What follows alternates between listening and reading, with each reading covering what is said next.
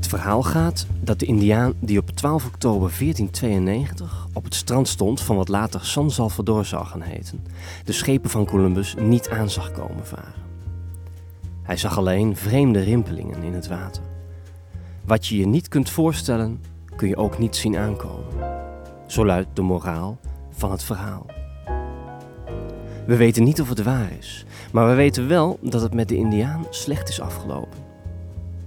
In Schepen aan de horizon praten we over de vreemde rimpelingen die we zien in de hedendaagse economie en samenleving. Van zelfrijdende auto's tot zelfsturende teams en van heilige huisjes tot tiny houses. Van alles passeert de revue. En steeds vragen we ons af: wat zien we hier eigenlijk? En vooral, wat zien we niet, maar komt wel recht op ons af? Goedenavond en welkom bij Schepen aan de Horizon. Dit is aflevering 59, opgenomen op 29 november 2018. Ik ben uw gastheer. Mijn naam is Maarten Brons. Vandaag praten interviewer Ronald Mulder en stuurvrouw aan wal Marloes Dekker met onze gast Pieter Bregman over de toestand en de toekomst van de volkshuisvesting in Nederland. Ik zou zeggen, Ronald, steek van wal. Pieter Bregman, directeur-bestuurder van NIST. Ehm, en we hebben jou gevraagd om wat, omdat we hopen dat je wat meer eh, licht kan werpen op, op de woningmarkt. Want we hebben, eh, hoeveel is het, 70 jaar na de oorlog of zo, hebben we weer woningnood. Hoe kan dat in vredesnaam? Ja, hoe kan dat in vredesnaam? Ehm, omdat de vraag naar woningen groter is eh, dan het aanbod, zou je kunnen zeggen. Althans op veel plekken. Verschilt natuurlijk wel heel erg. Amsterdam uh, is het verschil enorm. Groningen ook. is natuurlijk echt een hoge drukgebied. En dat is eigenlijk veroorzaakt doordat we tien jaar ongeveer uh, de woningbouw hebben laten sloeren. Um, en dat is in de marktsector, dat is het gevolg van de crisis. Um, voor een deel ook omdat het particulier. Maar de, je kunt ook zeggen dat het particulieren veel moeilijker gemaakt is om woningen te kopen. Doordat de eisen aan hypotheken verstrengd zijn. Um, en wat altijd vroeger als een soort van uh, uh, tegenbeweging gold. Namelijk dat je in crisistijd kon laten bouwen door corporaties, de collectieve sector. Dat zie je nu eigenlijk gewoon uh, niet gedaan. Integendeel, in de crisis zijn ook de corporaties afgeknepen. Dus wat het verleden altijd hielp om de conjuncturele golven te dempen, heeft nu eigenlijk de conjuncturele golven versterkt. Dus is gewoon tien jaar tijd uh, zijn echt veel te weinig woningen opgeleverd. Dus in de crisis is er niks gebouwd en daar worden we nu mee geconfronteerd. Nu willen mensen weer wat kopen, wat huren en dat is er niet. Maar het komt allemaal goed. Want uh, ik vond dit, ik vond het wel leuk. Stef Blok in een, een van zijn afscheidsinterviews, de vorige minister voor Wonen, uh, die zei in januari vorig jaar: Het woonbeleid is af, de markt kan verder haar werk doen. Dus het gaat allemaal vanzelf goed komen. Ja, nou, ik denk dat dat tot nu toe niet bewezen is. ja, als je ziet dat, uh, nou ja, ook in stad als Groningen, de, of het zit eigenlijk op, op verschillende dimensies. Van uh, de wachttijd van mensen voor een woning is enorm opgelopen. Dus um, de prijzen zijn enorm gestegen. De prijzen in de koopsector zijn enorm gestegen. Maar de prijzen in de huursector eigenlijk ook. Hè. Dat wordt ook door de Woonbond steeds aangehaald. Dat in de crisis uh, de uh, huurprijzen 10% boven inflatie extra gestegen zijn. Dus veel mensen, met name de doelgroep van corporaties, uh, gaan de woonlasten richting de 50% van hun inkomen. Bij veel studenten zie je dat al. Hè. Mm -hmm. Die gewoon 400, 500 euro van wat ze hebben gewoon aan wonen moeten uitgeven. Dat is natuurlijk echt een krankzinnige zaak. En um, dat komt voor een deel door tekort, maar het komt ook doordat, door de marktwerking, zeg maar, zijn er wel nieuwe toetreders tot de markt geweest die er eerder niet waren. Uh, met name uh, uh, particuliere beleggers. Um, die, ja, rente is laag, aandelen is onzeker. Dus die, die zoeken voor een deel mogelijkheden om geld te beleggen in woningen. Dus we kennen natuurlijk Prins Bernhard junior even als een mooi voorbeeld daarvan. Gewoon een rijke man die in Amsterdam 300 panden koopt en die vervolgens gaat uitbaten. Dat zie je op heel grote schaal.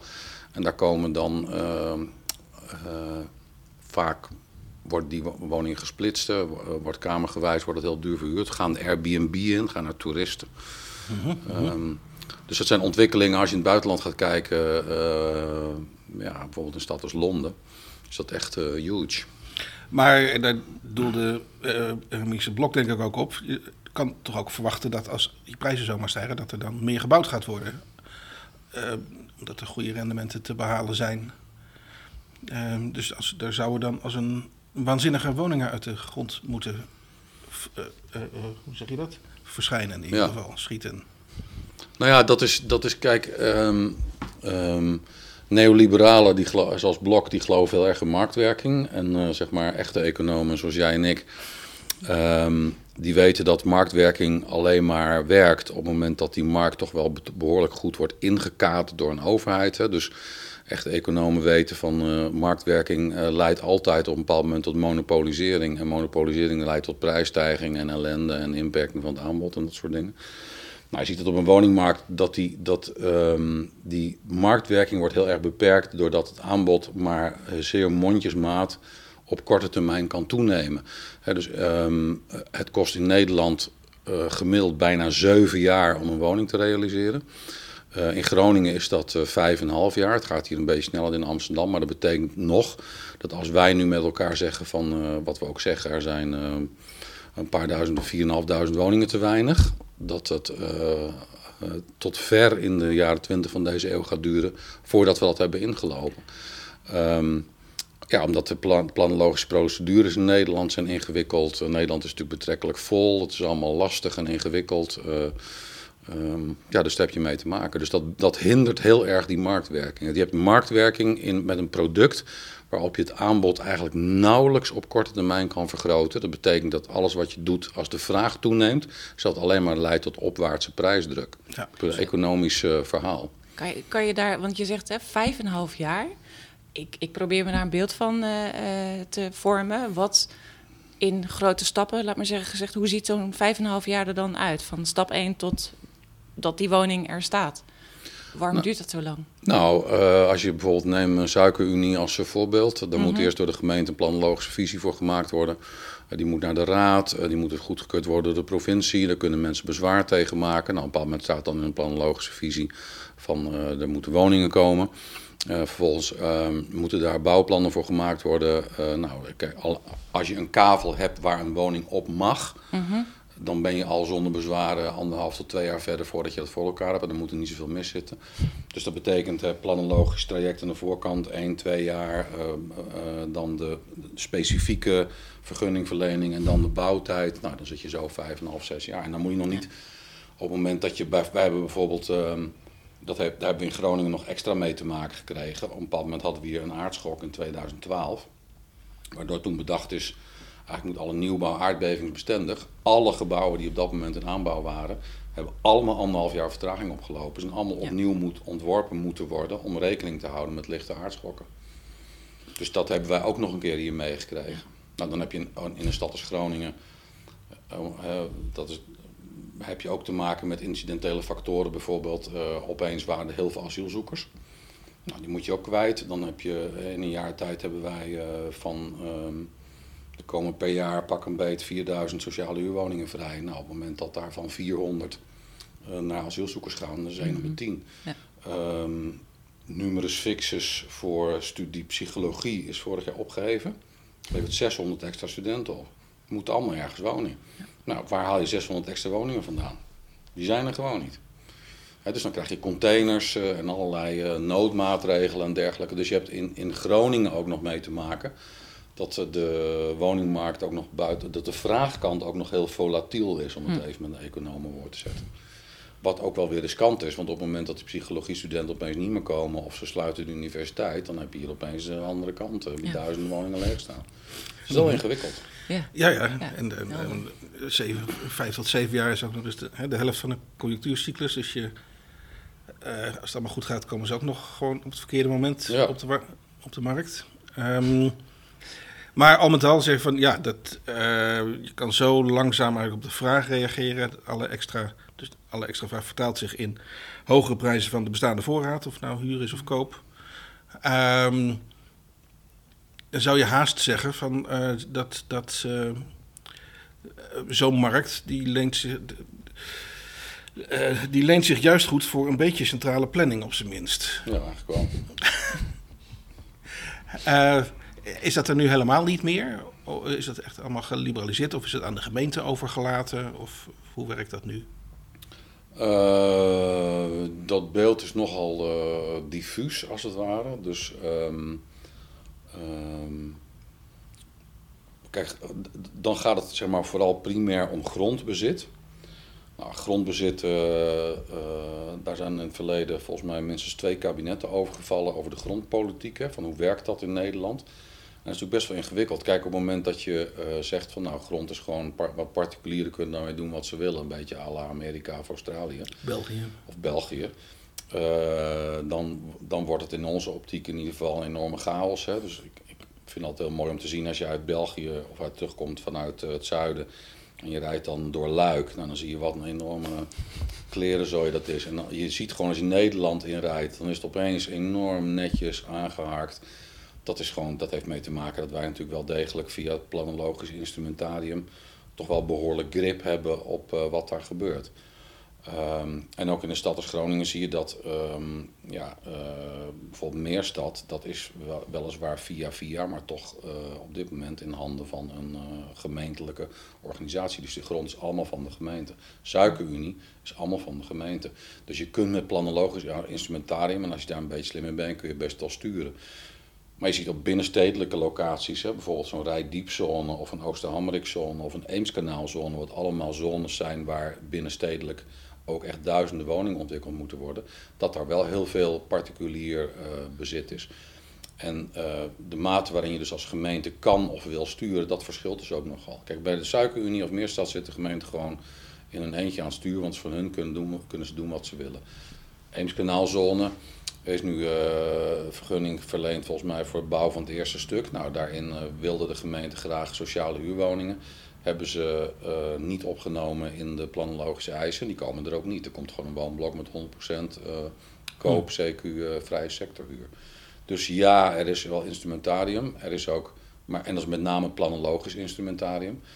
Ehm, en, en, dan is, en dan, dus, dus daar kun je een hoop aan doen. En dan is vervolgens wel de vraag in hoeverre een gemeente daar dan op kan en wil sturen. Ja, Amsterdam Want- bijvoorbeeld kent als grote stad de regeling dat van alle, alles wat er gebouwd wordt moet een deel sociale huur zijn. Die regeling is in Groningen er niet eh, generiek. Dus wel iets waar wij heel hard voor pleiten. Maar er is niet een algemene regel hier dat het moet. Hij is niet generiek. Is hier wel specifiek? Of? Per plan? Ja, bijvoorbeeld voor Ja. een eh gembetonlocatie, die particulier bezit is als ik het goed heb. Daarvan is wel gezegd, daar moet 10% sociale huur komen. En dat, Hmm. dat wordt dus een, par- een particuliere ontwikkelaar, die moet dan een, een corporatie of een andere uitbater vinden. Ja. Nou, dat is wel een proces waar we een beetje aan de voorkant staan en waarvan ik benieuwd ben wat dat gaat betekenen. Dus in zijn algemeenheid geldt, als de grond van de gemeente is, en dat is wel op veel plekken zo, dan kan de gemeente daarin wel allerlei eisen stellen. De vraag is ook aan de andere kant, natuurlijk in hoeverre een gemeente dat wil. Ja, dus dus de, de, er heeft in een stad als Groningen van ouds een behoorlijke rigide sturing gezeten op de planologische ontwikkeling en hoe zo'n stad zich ontwikkelt. Waar ik persoonlijk enorm fan van ben, want ik vind dat onze stad er fantastisch echt is, vind ik prachtig. En ik vind zowel qua bebouwing als qua verkeersafwikkeling of dat soort dingen. Als ik uit het buitenland terugkom, denk ik altijd, jeetje, wat is het hier prettig, rustig, goed geregeld, voetgangers, fietsers enzovoort enzovoort. Natuurlijk allemaal mooi. Maar als je een politieke partij bent als de VVD en je achterban bestaat uit aannemers, projectontwikkelaars, speculanten, eigen huisbeheerders en dat soort dingen, die worden natuurlijk minder blij van. Die denken, ja, ik wil gewoon een huis in zo'n stad kopen, dat kan niet eens, want er zitten die smerige rooien daar eh, een beetje eh, de sociale huurwoningen. Dat kan niet de bedoeling zijn. En zo zit Blok er natuurlijk ook een beetje in.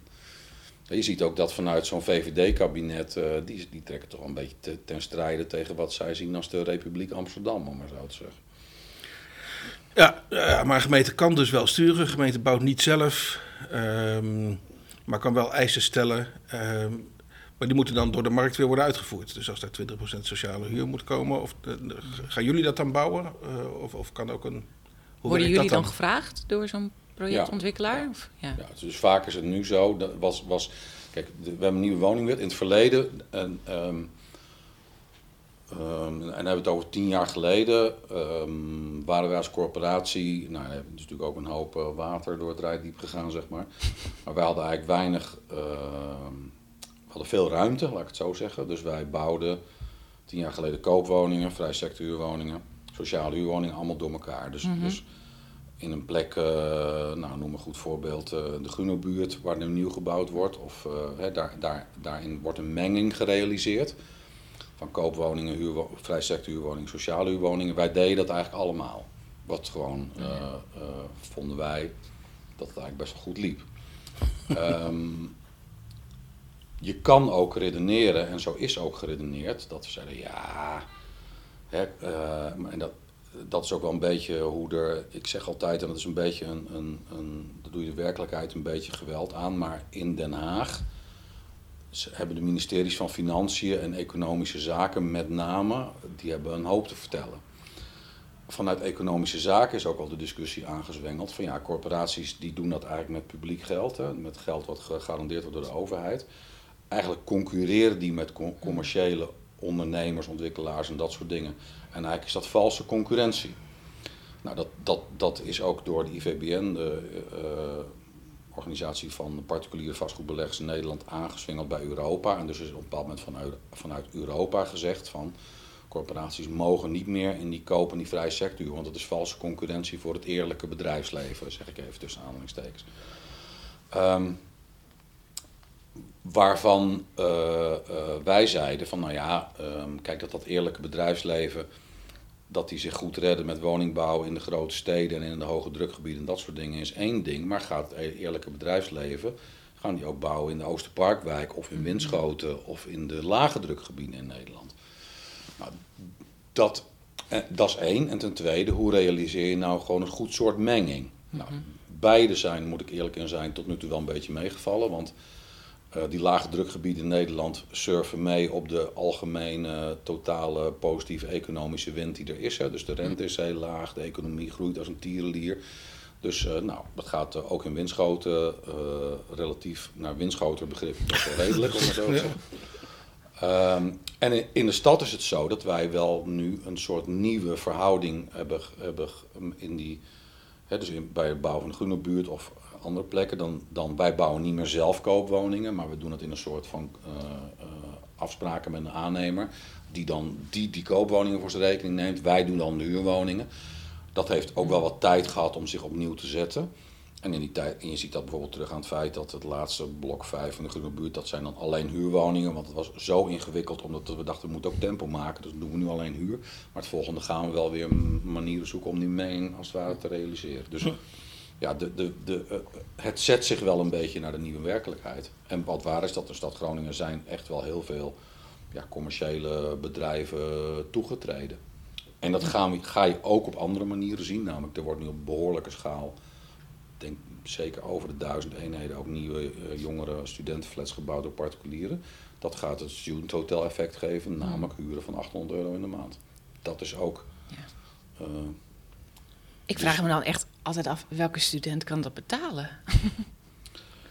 De studenten die uh, ouders hebben die bijspringen, om maar eens wat ja. te noemen. Uh, exchange studenten. Ja, studeren op een beurs en dan hier naar Groningen komen op een beurs. En daar, volgens mij, hè, veel, veel exchange internationale studenten komen hier volgens mij ook met een beurs. En waarschijnlijk kan je daarmee mede financieren. Nou ja, ik, ik, ja. ik, ik denk dat dat verschillend is naar de achtergrond. Hè. Maar mm -hmm. bijvoorbeeld, uh, uh, nou ja, en dat is heel verschillend met waar ze vandaan komen. Kijk, exchange studenten uit het Verenigd Koninkrijk, het collegegeld in het Verenigd Koninkrijk is volgens mij 6000 euro per jaar. Ja, een stuk hoger hier. Ja. Mm. Dus die studeren hier voor 2000. Dus uh, dan, dan kun je zeg maar het hele jaar daar zitten en kan het nog uit. Ja. Ja. En, dat, en dus heb je wel dat alleen ja, uh, studenten bijvoorbeeld waarvan de ouders bijspringen of die kapitaal hebben of een erfenis of die weer, verzin het maar. Dat is van alles nog wat. Ik wil even inzoomen op de rol van de corporatie. Dat is, het is corporatie, hè? niet coöperatie. Corporatie. Corporatie. Ja. Hebben jullie leden eigenlijk? Uh, nee, vroeger wel gehad, want we waren vroeger woningbouwvereniging in Groningen. En uh, ergens in, uh, tijdens de verzelfstandiging is eigenlijk de, wat toen werd ook gevonden dat moest professionaliseren. En in, in het stelsel wat toen bedacht is, werd een vereniging eigenlijk niet voldoende garantie voor professionaliteit gevonden. Dus uh -huh. bijna allemaal omgezet in stichting. Wanneer dus was dit? Uh... In 96. Ja. 95, 95 is de brutering geweest. 96 eh, zeg maar eh, geïmplementeerd. Nee, de brutering, dat wil zeggen dat jullie geen directe subsidie meer krijgen. Brutering is ja, eh, als je even heel in de korte geschiedenis van corporaties. Heel kort. eh, Ja, nou, eh, maar volgens mij weet bijna niemand dat precies. Nee. Van, ja, ze zijn er gewoon, die wonen Nee, nou ja, in de, de, de corporaties zijn eh, altijd begonnen als particulier initiatief. Ja, Vaak vanuit eh, vakbonden, politieke partijen of kerken om hun achterban fatsoenlijk onder dak eh, te helpen. Eh, dat is begonnen in 1856 of zo in Amsterdam. Eh, de corporaties in Groningen dateren allemaal zeg maar, van begin van de vorige eeuw. Dus wij zijn opgericht in eh, 1919. Patrimonium Volkshuisvesting, die clubs eh, eerder, 1912 of zo. Ehm, toen is, eh, en dat is begonnen met de woningwet van 1905. Die clubs kregen dan eh, allerlei fiscale voordelen. Nou, eigenlijk zie je dat eh, ehm, er een soort van. ehm, ze zijn eigenlijk aan de overheid getrokken na de Tweede Wereldoorlog, toen er ook een enorm tekort aan woningen was. En toen was eigenlijk het, het plaatje, simpel gezegd, je kreeg een landje van de gemeente en je kreeg een eh, subsidie van het Rijk en daarmee bouwde je woningen. En vervolgens eh, wees de gemeente toe wie daarin mocht wonen. Dat was echt een uitvoeringsorganisatie van overheidsbeleid. Ehm, in 95 met de budgettering is, zijn eigenlijk de, de corporaties weer eh, eh, zeg maar, eh, particulier gemaakt. En dat wil zeggen dat alle. we hadden ook leningen, moet ik zeggen, van het Rijk. En subsidies aan de andere kant. En dat is allemaal tegen elkaar weggestreept. En dat heet technisch brutering. Dus wat- daarna hadden we geen leningen meer. Moesten maar bij de bank redden. We kregen ook geen subsidie meer. Moesten gewoon zelf doen. En eigenlijk is toen ook achteraf gezien. Eh, is er heel, zijn er heel weinig regels meegekomen. Dus wij hadden eh, de handen vrij om van alles en nog wat te doen. En dat betekent dat er daarna een ongekende bloeien, ook nog door economische factoren, heeft vo- plaatsgevonden van de verschijnsel corporatie. dat is Maserati-tijdperk. Ja, ja. Dat, dat, heel veel woningen gebouwd, maar ook inderdaad eh, commerciële projecten tot aan regelrecht welzijnswerk, armenwerk. En op een bepaald moment is er, is er door Maserati-achtige affaires, maar is gezegd van nou die corporaties zitten veel te ver buiten hun kerntaak. Aan de rechterkant te veel in de commerciële projectontwikkeling, aan de linkerkant te veel in het welzijnswerk wat eigenlijk een gemeente moet doen. Dus dat, de- die corporaties moeten terug naar hun kerntaken, alleen sociale huurwoning. Dus dat is met de woningwet beklonken van 2015. Ja. Ehm, en eh, daar is eh, qua tijdgeest ook een enorm eh, toezichtsinstrumentarium bij bedacht. Ik, ik vind die kerntaak vind ik eigenlijk wel een zegen, moet ik zeggen. Dat gedetailleerde toezicht minder, maar wij zijn niet de enigen die daar last van hebben. Zeg maar. Nee, dat is waar. maar dat, ik die, die kerntaak, dat vind je wel oké. Want er zijn natuurlijk ook mensen die ja, dat, het is nu wel heel smal geworden. Alleen maar voor de onderkant eh, bouwen, voor mensen die het anders echt niet redden. Het zou toch wel fijn zijn als we ook voor het middensegment, in ieder geval middensegment huur zouden mogen bouwen. Dat, eh, Ja, maar dat, dat is, dat is de, dus de rigiditeit. Hè? Dus, dus het enige bij ons is gewoon eigenlijk. Ja, het- je kunt het, heel, je kunt het heel, ook heel ingewikkeld vertellen, want er zitten wel een hoop mitsen en maren en kanttekeningen bij. Maar eigenlijk is het zo dat wij alleen maar woningen mogen doen met een huur van onder de 710 euro in de maand. Voor mensen met een inkomen van maximaal 38.000 euro. Punt. Ehm, en dat betekent dat er een enorme middengroep is eh, die meer verdient dan 38, die net meer verdient. Dat zijn de beruchte verpleegster, wijkagent, ZZP. Dat zijn in Nederland 800.000 ZZP'ers. Die kunnen allemaal geen woning krijgen. Die hebben Ja, vaak niet kopen in ieder geval. Kopen, precies, kunnen niet kopen. Die hebben soms in sommige jaren wel een inkomen van boven de 38.000 euro. Nou, met name in Amsterdam, maar dat geldt denk ik in Groningen ook wel. Ja, daar is eigenlijk niks voor. En in het verleden was het zo dat, dat die mensen konden hier ook in sociale huurwoningen terecht. En dat was eigenlijk ook prima, want dat betekent ook dat er mensen met enig eh, financieel-economisch draagkracht terechtkomen in de Oosterparkwijk en in Vinkhuizen en dat soort plekken. Wat wij voor die wijk eigenlijk heel goed vonden. Dus, dus eh, nu is het soort van lose-lose. En die mensen hebben geen plek meer. En eh, de, de, de, de sociale draagkracht, de sociaal-economische draagkracht die wij met zoveel moeite die wijken ingeflanst hebben, die is er nu weer aan het uitdruppelen. En dat zijn processen die langzaam zijn. Je ziet dan bijvoorbeeld in, een- in een eh, eh, Oosterparkwijk dat eh, ja, de ZZP'ers die verdwijnen, want die mogen daar geen woning. En wat er terugkomt is toch veel, eh, men, ja, wat natuurlijk ook, eh, wat wij dan noemen, verwarde personen. hè, m- Mensen met min of meer onaangepast woongedrag. eh, mensen uit het buitenland, asielzoekers, Syriërs, Eritreërs, weet ik wat allemaal. Nou, die komen allemaal bij elkaar terecht. En daardoor zie je dus dat, de- dat de leefbaarheidsproblemen in de oude wijken, die we eigenlijk tien jaar, dachten, tien jaar geleden dachten van dat we het min of meer te boven waren, dat die gewoon wel weer terug gaan komen. Dus dat is weer een beetje aan een waterscheiding aan het ontstaan tussen rijk en arm. En die sociale omgeving, dat hoort ook niet meer tot jullie kerntaak. Dus daar mag je eigenlijk ook niet zoveel aan doen. Nou, in, in- dat zit heel strak. Hè, van wij, eh, eigenlijk is vanuit de woningwet gezegd, nou dat is gewoon een taak van de gemeente. En corporaties mogen alleen dingen doen die direct betrekking hebben op onze eigen huurders en woningen. Dus dat wil zeggen, als wij zeggen ergens we willen een buurthuis eh, realiseren, dan is het ook echt zo dat er vanuit eh, de woningwet gekeken wordt. Staan daar dan allemaal sociale huurwoningen van Nijstee omheen? Dan mag het. Maar als aan de ene kant koopwoningen zijn, dan zegt ze, nou, eigenlijk vinden we dat de gemeentelijke taak. Nou ja. Ik, ik vind dat wel. eh, nou ja, ook daar is wel wat voor te zeggen, maar het is gewoon te rigide. Ja. Dus zijn jullie dus een, een- een stichting, particuliere stichting, met een, met een smalle taakomschrijving in de wet, in de woningwet is vastgelegd. Ja. Eh, en tegelijk, tegelijk zie je dat er weer allerlei nieuwe soorten particulier initiatief opkomen. Energiecoöperaties, maar ook weer kleine wooncoöperaties van eh 65-plussers die zeggen, nou, wij, wij willen voor onszelf een, hè, op een schaal van 10, 20, 30 mensen een, een, een prettige woonomgeving eh, realiseren. Dus het, het lijkt wel alsof het, het wiel nu op, op, opnieuw wordt uitgevonden weer. En, en wel los van eh, wat er al is. Dus dat gaat bui- buiten bestaande corporaties bijvoorbeeld om. Er komen allemaal nieuwe vormen bij. Klopt, klopt dat? Is dat, is dat of laat ik het anders vragen, zijn dat dingen die jullie wel zouden willen doen eh, Nou ja, dat, of willen faciliteren? Eigen- Eigenlijk, eigenlijk zou je kunnen zeggen dat wij zulke dingen altijd al gedaan hebben. Dus ehm, wij zijn ontzettend, wij hebben ook een boekje over gemaakt. Heel trots op dat wij een hele grote hoeveelheid zeg maar, bijzondere woonvormen in de loop der tijd hebben gerealiseerd samen met de betrokken bewoners. hè. Dus het bekendste voorbeeld in de stad is denk ik het oude RKZ. Wat eh, sinds eh, al heel lang van ons is. Eh, maar ook het paleis eh, eh, is een voorbeeld van. Courtine is een minder bekend voorbeeld. Ehm, dat zijn, en we hebben daar in de 30 van, dat zijn eigenlijk allemaal bijzondere woonvormen die op de een of andere manier tot stand gekomen zijn voor en door bewoners die zelf zeiden wij willen wat. Ehm, het probleem van de, voor, ons van de huidige zeg maar, zeg maar strenge regels is dat dat allemaal dingen zijn die in de huidige setting niet meer zouden kunnen. Want die Nee. regels zijn daar niet voor bedacht.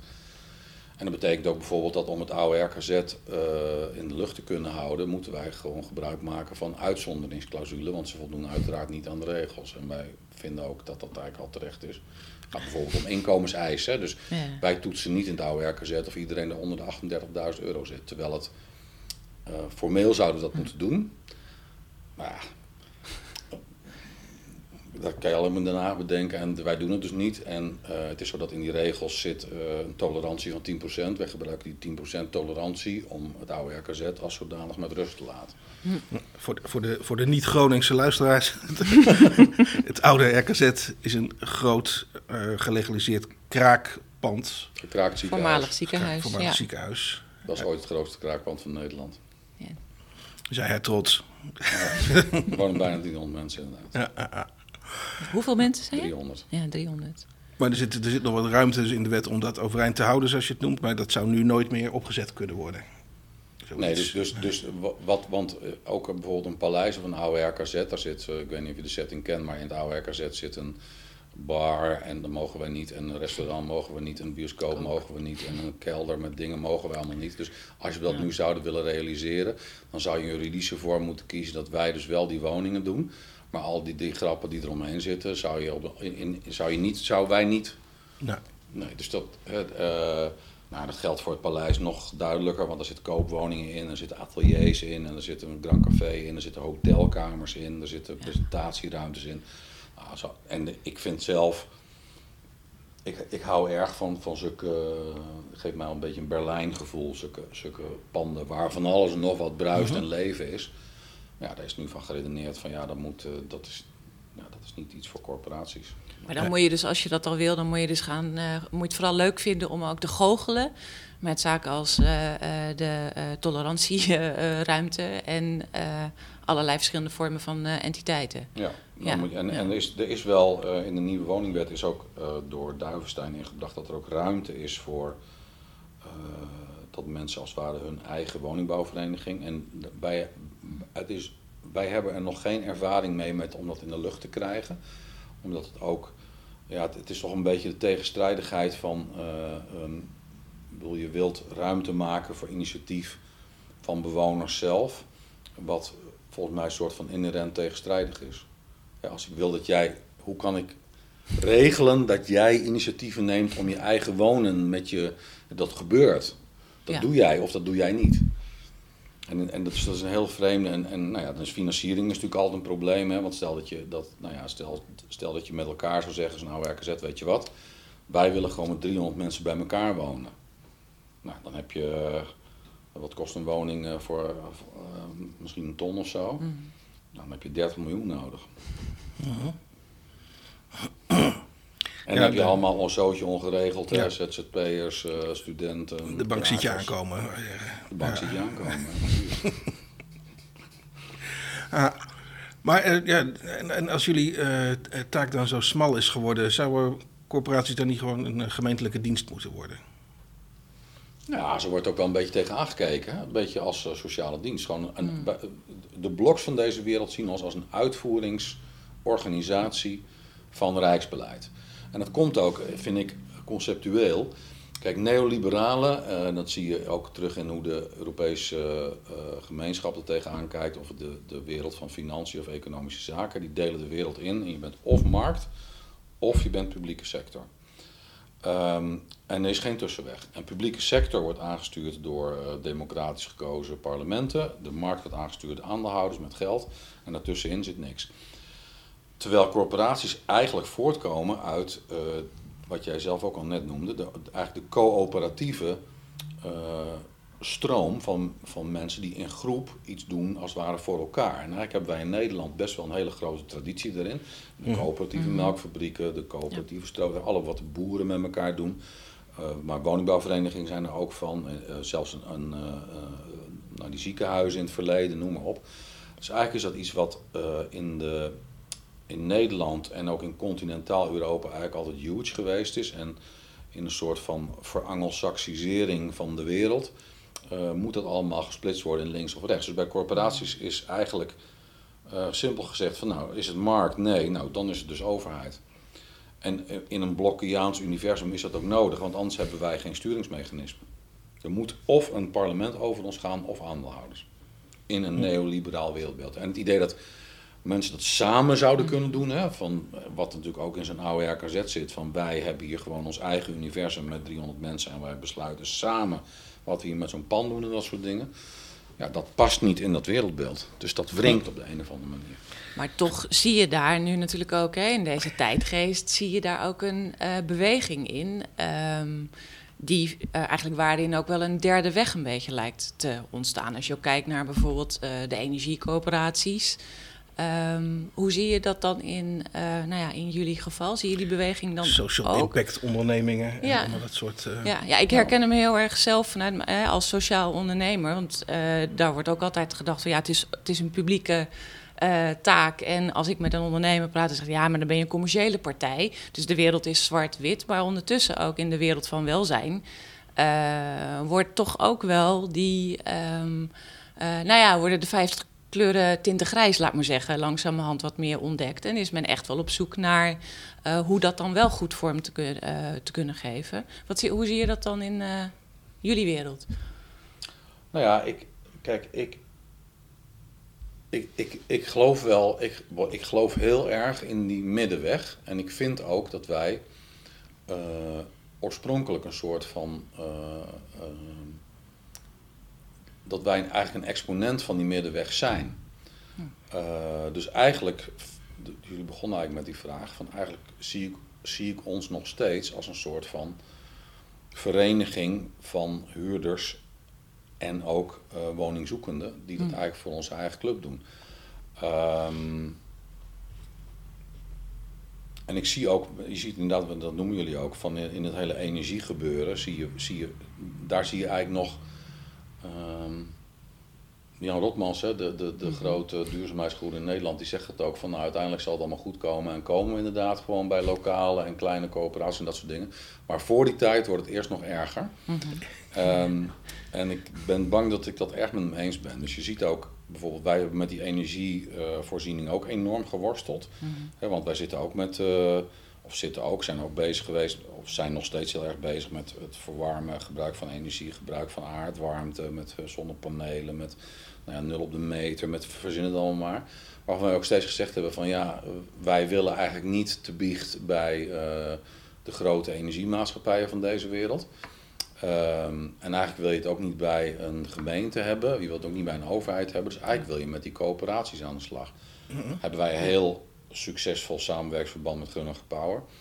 Hè, die, waarvan wij, eh, waarbij een soort generieke regeling hebben als bewoners van een blok bij ons zeggen van zonnepanelen. Dan zeggen wij, nou dan regel je dat met Gunnige Power en wij betalen aan het eind van de dag de rekening. Nou, zo hebben we al nou, dik over anderhalfduizend zonnepanelen in de stad geplaatst in een soort van flow van ik denk van nou die kant moeten we met elkaar ook uit. Dus ik, ik, ik vind ook ehm, nou ja, dat, dat idee van eh, baas in eigen buurt, baas in eigen straat, baas in eigen eh, energievoorziening, baas in eigen huisvesting. Volgens mij heeft dat wel een beetje de toekomst. En, i- en, tege- en tegelijkertijd, ehm, om het nog een beetje groter te maken, ik vind zeg maar dat de, gaat natuurlijk best in Nederland, eh, jij zei het ook al van die Maserati. Er gaan in, die, in dat middenveld gaan er best wel dingen mis. Maar ik vind het eerder, dus, eh, ik vind wat we, wat we meemaken is eerder is niet zozeer een crisis van het maatschappelijk middenveld, maar is een crisis van het democratische systeem wat erboven hangt. Eigenlijk vind ik dat zo'n Ehm, ja, het- systeem, eh, dat vind ik op lokaal niveau wel meevallen, maar zo'n eh, systeem, wat, hoe het Rijk functioneert, in, in, in een systeem wat bedacht is in 1850, toen, toen iedereen bij wijze van spreken nog met de tamtam werkte, nu in een tijd met al die social media en dat soort dingen, dat heeft een heigerigheid en een korte termijnerigheid, van ik denk van dat moet een keer klappen. Ehm, en, dan, en dan zullen ze ook moeten ophouden met de schuld van eh, dingen die er mislopen in de wereld steeds neer te leggen bij de ziekenhuizen, bij de politie, bij de woningcorporaties, bij de instanties die als het ware in, eigenlijk in het wild allemaal hun best doen, of bij de gemeente zelfs, of bij de jeugdzorg, om het allemaal een beetje goed te laten komen. Ja. Op de gaan op Is dat hoog over of niet? Dat is wel vrij hoog over. Ja, dat, eh, is, het, is, het is natuurlijk ook. eh, ik weet niet hoe, hoe dat in, de- in de tijdlijn die je net schetste past. Maar het heeft ook een enorme, zoals op heel veel in het maatschappelijk middenveld, heel veel schaalvergroting natuurlijk plaatsgevonden bij Ja. de corporaties. Eh, bij jullie valt het volgens mij nog wel mee, maar eh, stadgenoot eh, Levier, dat is een heel groot fusieproduct. En in het westen van het land zijn nog veel grotere fusies geweest. Ehm, en en nou, ten eerste is dat volgens mij dan vaak waar het misgaat als je veel te grote dingen maakt.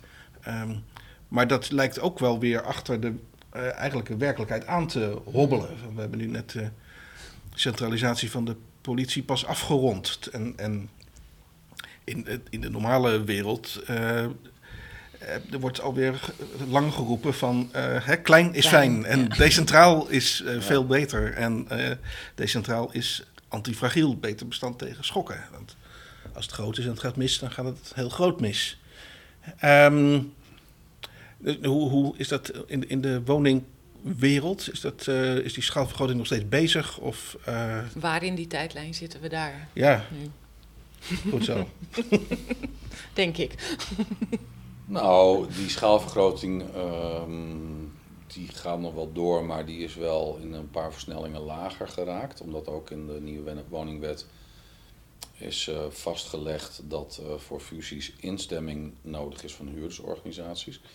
Eh, dus, eh, en dat is ook via, eh, en ook dat woningcorporaties in principe niet in meer dan één woningmarktregio werkzaam moeten zijn. Dus er zijn wat remmen ingebouwd op eh, schaalvergroting. Eh, tegelijkertijd is er wel weer een premie op schaalvergroting die, ermee te maken heeft dat de regelgeving zeg maar, zo ingewikkeld is dat jij dat met de woningstichting TT Extra deel met 600 woningen en 6 man personeel, is dat echt wel lastig, zeg maar. Ehm, dus, dus het druppelt nog wel een beetje door. Ik, ik, ik ben zelf, eh, nou ja, ik sta, dat is niet bekend, maar misschien wel leuk om te zeggen. Wij hebben als Nijstee deel uitgemaakt van een landelijke fusie, die van de Kei geheten. Uh, van de periode 2000 tot 2003 met uh, over de 60.000 woningen. Uh, en die is ontvlochten. Uh, dus, en dat was onder andere omdat nou ja, wij vonden dat daarmee de lokale verankering die ging gewoon verloren. En je ziet dan ook een beetje dat, kijk, ik, ik vind de invloed van huurders heel belangrijk. Goed, ook huurdersorganisaties in de woonbond zoeken de plek waar ze natuurlijk invloed kunnen uitoefenen. Met als gevolg in zo'n lief van de kei dat op een bepaald moment een woonbond met het bestuur van de corporatie in Amsterdam zat te vergaderen, wat we hier in de Oosterparkwijk gingen doen, zeg maar. Ja. Dat was ook wel een goede frame dit om daar tegen te trekken. dat wij zeiden, dat kan toch niet waar zijn. Um, en dus, dus, ik vind eigenlijk dat een, uh, nou ja, wij hebben ons sindsdien als Nijste ook uit overtuiging beperkt tot uh, de stad Groningen, of in ieder geval we hebben altijd gezegd van je moet vanuit iedere woning van Nijstede de Martini-toren kunnen zien. Dat is natuurlijk een beetje abstract gezegd, maar uh, dat is wel het gevoel waarmee we hebben. En ik vind dat ook goed. Dat geeft ook een gevoel bij waar je voor bent en waar je bij hoort. En, waarbij ik overigens niet wil zeggen dat dat niet zou kunnen in grotere verbanden, maar dan moet je daar wel goede waarborgen voor inbouwen dat die lokale. dus je moet als vier voor zorgen dat de huurders in Groningen, woningzoekenden in Groningen, voldoende vertellen wat hier in de stad gebeurt. En dan kun je in Emmen ook regelen. Het is niet per se strijdig. Ja. Goed, je ziet met schaalvergroting, hè, dat is het theorema van Hans Schenken, bij wie, die, dat is professor over schaalvergroting in Nederland, waar ik bij afgestudeerd ben. Die is ook altijd van de meeste schaalvergrotingen uh, vinden plaats onder het motto dat het goedkoper is. En dat komt eigenlijk nooit uit. Het is altijd duurder. Want je hebt een Maserati nodig. Je kan niet als... Uh, Als... En een secretaresse en uh, een groter kantoor. En, uh, dus dat, wat wel waar is bij, uh, bij schaalvergroting is dat het meer marktmacht geeft. Hè. Dus je ziet dat een, ja, de essentie van deze wereld die... Bellen wat makkelijker met het kabinet. Ja. ja. Precies. Maar dat is een ander argument. Ja. ja, ja maar dat is een ander argument. Ja. Wat overigens in de corporatie best een rol speelt, want de grote Amsterdamse corporaties bellen ook zelf met de minister. Ja. Dat heeft best wel uh, weerslag op de dynamiek in de sector. Onder andere de, een dynamiek die er dan toe leidt dat wij allerlei regels krijgen uitgestort die eigenlijk geënt zijn op de Amsterdamse situatie. Bijvoorbeeld die inkomensgrenzen, hmm. dat is wel een, een, teerpunt bij mij. Dat is in Amsterdam ook een probleem. Want daar zijn de uh, verschillen tussen commerciële, hè, dus daar, daar zitten gewoon uh, in 30% van de sociale huurwoningen mensen met echt een enorm inkomen aan de Prinsengracht in een, in een woning van 600 euro. Ja, dat is natuurlijk niet helemaal de bedoeling. En in Groningen is het nooit zo geweest. En wij moeten wel die regels, iedereen wegen en inkomens meten en dat soort dingen. Terwijl het is hier nooit, er is geen enkele Groninger die het ooit een probleem gevonden heeft. en dan moeten we iedereen door die molen halen. Dat is echt verschrikkelijk. Ah. En met wie moet jij dan bellen? Ja, want we hebben geen ministerie van Volkshuisvesting meer. Nee, nee, nee ja, officieel met uh, Ollongren is nu de, onze vrouw mm -hmm. PZK. Het is wel beter dan Blokovers. Mm. Ja. Kon ook al snel beter natuurlijk. Uh, maar hoe, hoe, bevalt dat zonder ministerie van Volkshuisvesting? Want volkshuisvesting is in, in, mijn ogen ook meer dan woningmarkt. Meer dan uh, dat er genoeg woningen zijn. Het gaat ook over wat voor soort woningen, over stedenbouwkundige kwaliteit, over... Uh, leefbaarheid? Leefbaarheid, sociale cohesie enzovoort. Uh, is dat, dat lijkt nu allemaal wel weg te zijn. Dat, ja. dat gaat alleen nog maar over aardig uitgekleed. Ja. ja, nou, ik denk, ik voorspel dat dat wel weer een keer terugkomt. Want het probleem is, is, is echt veel groter dan tien jaar geleden. En het wordt ook alleen nog maar groter. Dus, uh, um, hoe heet onze hoogleraar? Boelhouwer. Die heb ik al uh, twee keer, uh, één keer in de krant en één keer live horen zeggen. Die zegt van, wij hebben binnen tien jaar een parlementaire enquête naar de vraag van hoe het kan dat die woningmarkt zo ongelooflijk in de honderd geholpen is. Gewoon door kabinetsbeleid. En dat, dat is ook zo. Het is een probleem dat eigenlijk grotendeels verdampt was. Even afgezien van Amsterdam en de wat grotere omgeving. ja, is weer in de volle omvang eh, gewoon terug. En dat gaat natuurlijk, eh, ja, dat, gaat, dat zie je nu in de stad ook al. Hè. Ik zie dan ook bij de gemeenteraadsverkiezingen dat het langzamerhand toch weer, het is weer zich naar de voorpagina aan het verplaatsen. En dat leidt vanzelf vroeger of later weer tot een eh, nieuw ministerie en een... eh, Ja, gaat het, gaat het vanzelf? Want wij zijn, wij zijn natuurlijk een, eh, Groningen een, een behoorlijk eh, linkse stad. Dus hier zal het misschien die kant op waaien. Maar er zullen ook mensen zijn die zeggen van... nou, als het niet goed gaat, dat betekent dat we nog niet genoeg marktwerking hebben. Dus er moeten nog eh, her en der wat regels weg. En wat, eh, Ik zag laatst ook eh, een hoogleraar dat op Twitter inderdaad zeggen. Dus het enige, enige wat echt helpt bij de woningmarkt is meer marktwerking. En ik heb niet gelezen wat hij daar dan verder als artikel onderhoudt. Maar wat ik me dan zou kunnen voorstellen. Kijk, als je, eh, als je het planologisch instrumentarium vrijgeeft. Ja, een beetje à la België. Dan heb je wel kans dat natuurlijk, kijk, als iedere boer in zijn, in zijn weilanden woningen mag gaan bouwen, dan kon het wel al snel gaan. Maar we hebben geen omland meer. Nee, gewoon allemaal één... Heel Nederland één, één grote Finex. Maar ja, dat is ook een beetje. Hè, kijk, zonder. Of, of, of, nou ja, wat in de stad vind ik ook een actuele discussie is van. eh, het, het vorige college van BMW, met name wethouder van der Schaaf, die heeft natuurlijk heel veel moeite gedaan om de uitwassen van die kamergewijze verhuur, om die als het ware terug te dringen. Maar ja, dat gaat wel ook gepaard met een verkrapping, uiteraard, van de woningmarkt, in ieder geval op korte termijn. Ja. Dus ehm, als je het vrijgeeft, Hè, dan zul je zien dat hier, ik bedoel, dat zit meneer Wim Bult eh, voor de niet-Groningse luisteraars, dus die zit hier tegenover en dan is een, die man heeft 1200 woningen in, in de stad geloof ik, dat is een particulier. Nou, als je dat planologisch vrijgeeft, zet hij er 10 verdiepingen bovenop. Dan krijg je, dat is, je, je Ja. kunt veel van de dynamiek wat je krijgt op het moment dat je het vrijgeeft, kun je zien als je kijkt in eh, buitenlanden waar die dynamiek vrijgegeven is. Ja. Hongkong, Ja. gemiddelde bouwhoogte 40 hoog, 50. Ja, dat kan. Ja, als de, grond, de ondergrond het maar aan kan, dan... eh, Ja, je moet wel denken aan een aardbeving. Wat, wat, wat, wat zie jij dan voor eh, Groningen specifiek als de grootste opgave voor de komende jaren? Op de woningmarkt? Mhm. Nou, dat zijn denk ik eh, twee dingen. Ehm, wat, kijk, sowieso, zo, nou ja, er zit een heel rijtje bij wat niet specifiek Groningen is. Je moet voor het tekort, er moet sowieso fors bijgebouwd worden. En je moet volgens mij ook een behoorlijke slag geven aan eh, ja, wat wij dan de transparantie noemen. Hè. Dus je moet veel meer zorgen dat het duidelijker is hoe mensen aan de woning kunnen komen. En het is nu ook niet alleen dat het moeilijk is om een huis te krijgen, maar het is ook wie weet hoe je een huis moet krijgen. Ja. Dus ook als student moet je op vijf verschillende plaatsen inschrijven. En als, als, eh, dus dat is, dat is een ingewikkeld ding. Wat in Groningen specifiek denk ik ingewikkeld is, dat is dat we eh, iets moeten doen met, de, met die grote bewegelijkheid. De, de, de Groningse woningmarkt wordt heel erg bepaald door, eh, door die instroom van studenten of asielzoekers, die er opeens wel weer is en, en soms weer niet. Dan heb je, in Drachten heb je dat in veel mindere mate, heb je geen onderwijsinstellingen, dus dat is Ja. veel voorspelbaarder. Dus wij moeten iets met flexibiliteit. Nou, flexibiliteit van een product wat niet flexibel is, dat is gewoon heel ingewikkeld. En een tweede waar wij denk ik, eh, eh, en dat is iets wat overigens in de rest van de wereld ook heel erg speelt, dat is dat we iets moeten met die verhouding tussen stad en ommeland. Je ziet dat de stad eigenlijk, de stad wordt steeds leuker en iedereen wil steeds graag in de stad wonen. En omdat iedereen hier woont, is hier ook theater en zijn hier cafés en restaurants en dat soort dingen.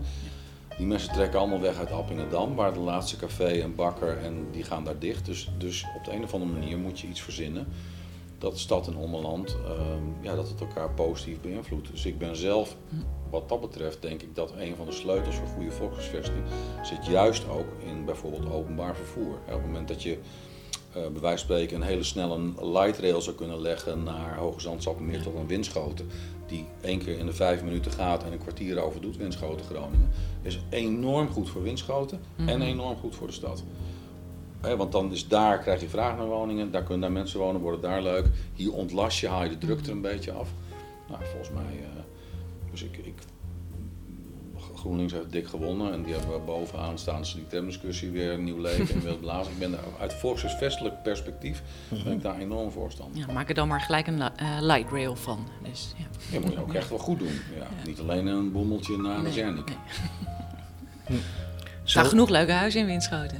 Ja. ja. dat we zelfrijdende auto's in algemene dienst. Die, eh, Ja, Voor, eh, zodat je in Appingedam kan wonen en in Groningen stappen. Hè? Dat eh, Ja. lijkt me hartstikke goed. Maar eh, komt het goed allemaal? Nou ja, Of moet er nog wel wat gebeuren? Ik zeg met eh, Jan Rotmans, het wordt eerst erger. eh, maar uiteindelijk komt het denk ik wel goed. En, en, en hoe lang duurt dat erger nog? Want daar zegt Jan ook natuurlijk wel iets over. Maar Eh, kunnen we dat dan ook nog een beetje leien met elkaar? Eh, want het is, dan moeten we dat nog een beetje verduren. Die eh, tussenliggende periode, voordat het beter wordt. nou, ik denk eh, dat als we eh, de huidige eh, inzet kunnen vasthouden, bijvoorbeeld hebben we het over stad Groningen, Mhm.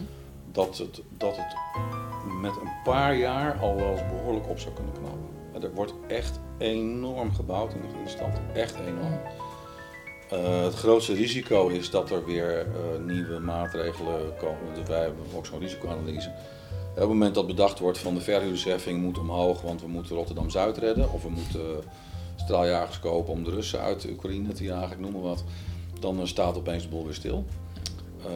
Maar als we deze lijn een tijdje kunnen volhouden, dan denk ik dat, we, dat, nou, dat je een behoorlijke ontspanning met elkaar kan realiseren in Groningen. Ik denk dat de, dynamiek van steden als Amsterdam veel ingewikkelder is. Want ik denk dat Amsterdam eh, nou ja, achter Londen aangaat. En ik ben in Londen was, ben ik wel echt erg geschrokken van eh, ja, wat, wat de enorme instroom van eh, met name toeristen en zo ook doet. Dat is ook wel nog een probleem op zich wat wij in Groningen eigenlijk nauwelijks kennen.